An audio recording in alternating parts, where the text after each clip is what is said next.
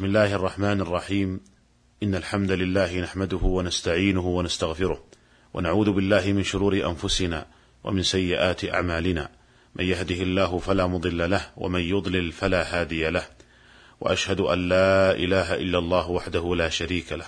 وأشهد أن محمدا عبده ورسوله صلى الله عليه وعلى آله وصحبه وسلم تسليما كثيرا. أيها الإخوة المستمعون السلام عليكم ورحمة الله وبركاته. لا زلنا في الحديث عن صفة الصلاة، وحديثنا في هذه الحلقة عن صفة السجود، فنقول: بعد الرفع من الركوع يخر المصلي مكبرا ساجدا من غير رفع اليدين. ويدل لذلك ما جاء في صحيح البخاري عن ابن عمر رضي الله عنهما النبي صلى الله عليه وسلم كان لا يرفع يديه حين يسجد ولا حين يرفع رأسه من السجود. وهل يقدم الركبتين على اليدين عند السجود أو يقدم اليدين على الركبتين؟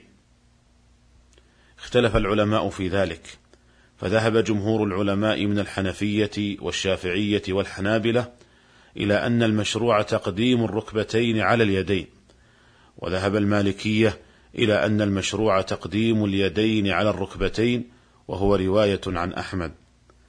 قال ابن القيم رحمه الله: كان النبي صلى الله عليه وسلم يضع ركبتيه قبل يديه ثم يديه بعدهما هذا هو الصحيح الذي رواه شريك عن عاصم بن كليب عن أبيه عن وائل بن حجر رضي الله عنه قال رأيت رسول الله صلى الله عليه وسلم إذا سجد وضع ركبتيه قبل يديه وإذا نهض رفع يديه قبل ركبتيه ولم يروى في فعله ما يخالف ذلك.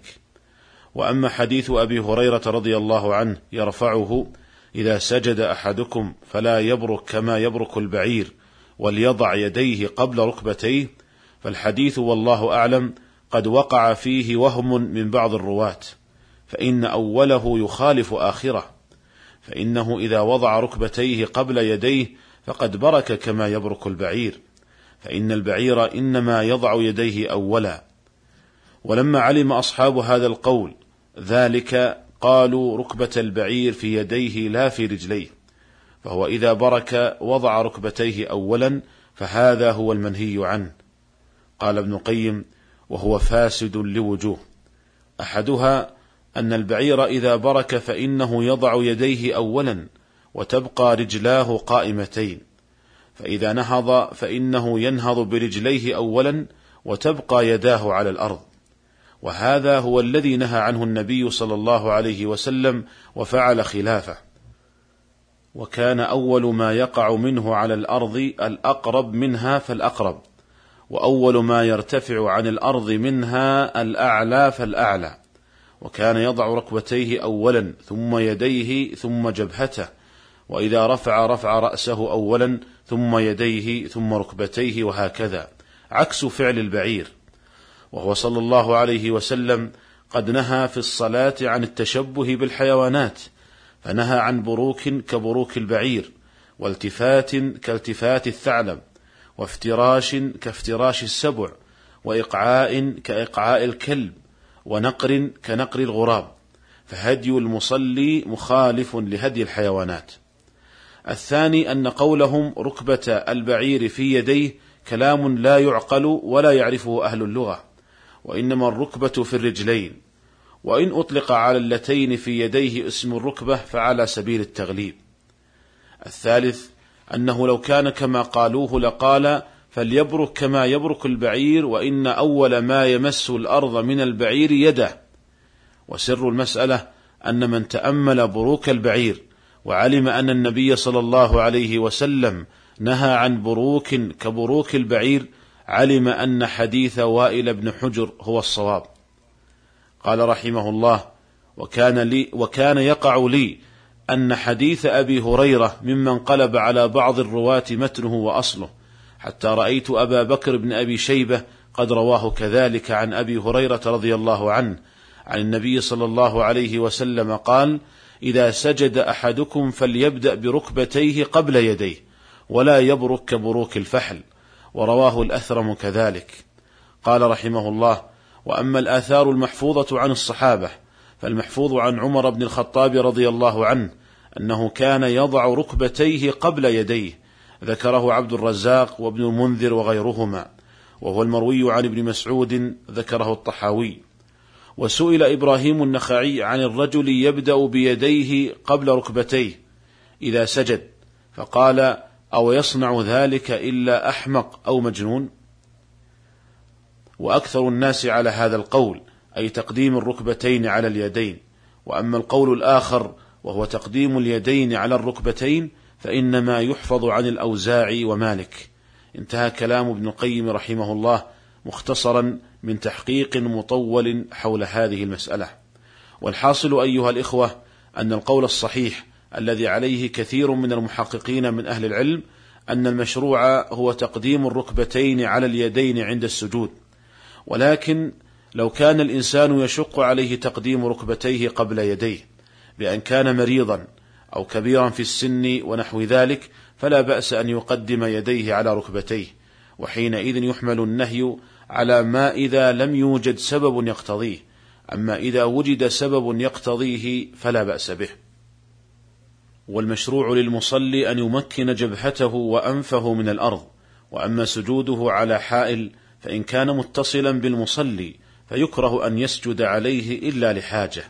كأن يسجد على جزء من عمامته أو غترته أو مشلحه ونحو ذلك. ويدل لذلك ما جاء في الصحيحين عن أنس رضي الله عنه قال كنا نصلي مع النبي صلى الله عليه وسلم في شدة الحر فإذا لم يستطع أحدنا أن يمكن جبهته من الأرض بسط ثوبه فسجد عليه. فقوله إذا لم يستطع أحدنا أن يمكن جبهته من الأرض بسط ثوبه يدل على أنهم لا يفعلون ذلك مع الاستطاعة وإنما يفعلونه عند عدم الاستطاعة.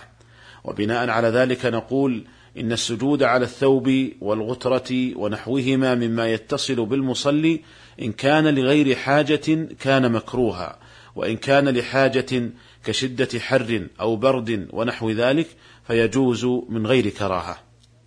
وأما إذا كان الحائل منفصلا كسجادة ونحوها ومثل ذلك فرش المساجد في الوقت الحاضر فلا بأس بالسجود عليه من غير كراهة ومن غير تقييد ذلك بالحاجة.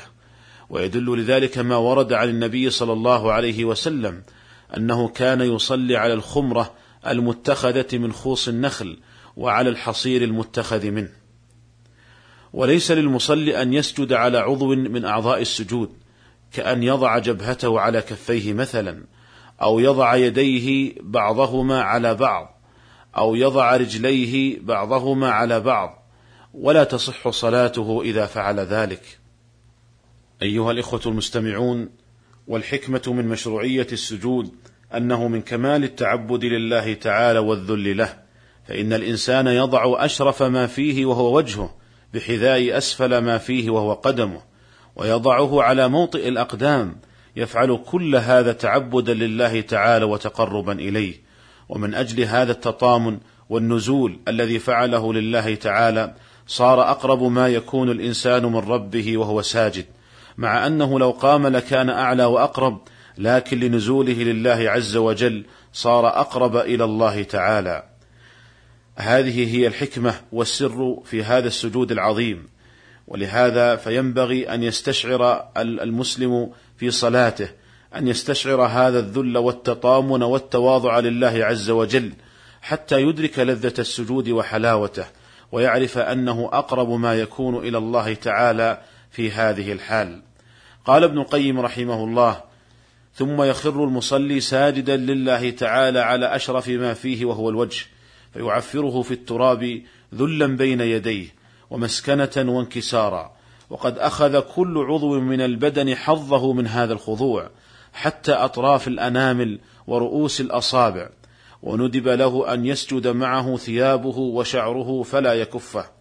ثم أمر أن يسبح باسم ربه الأعلى فيذكر علوه سبحانه في حال سفوله هو وينزهه عن مثل هذه الحال وأن من هو فوق كل شيء وعال على كل شيء ينزه عن السفول بكل معنى بل هو الأعلى بكل معنى من معاني العلو.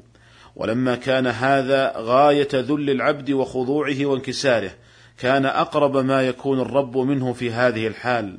فأمر أن يجتهد في الدعاء لقربه من القريب المجيب. وقد قال تعالى واسجد واقترب وكان الركوع كالمقدمة بين يدي السجود والتوطئة له فينتقل من خضوع إلى خضوع أكمل وأتم منه وأرفع شانا وفصل بينهما بركن مقصود في نفسه يجتهد فيه في الحمد والثناء والتمجيد وجعل بين خضوعين خضوع قبله يعني الركوع وخضوع بعده يعني السجود. وجعل خضوع السجود بعد الحمد والثناء والمجد. أيها الإخوة المستمعون هذا هو ما اتسع له وقت هذه الحلقة. ونستكمل الحديث عن بقية المسائل والأحكام المتعلقة بالسجود في الحلقة القادمة إن شاء الله تعالى. والسلام عليكم ورحمة الله وبركاته.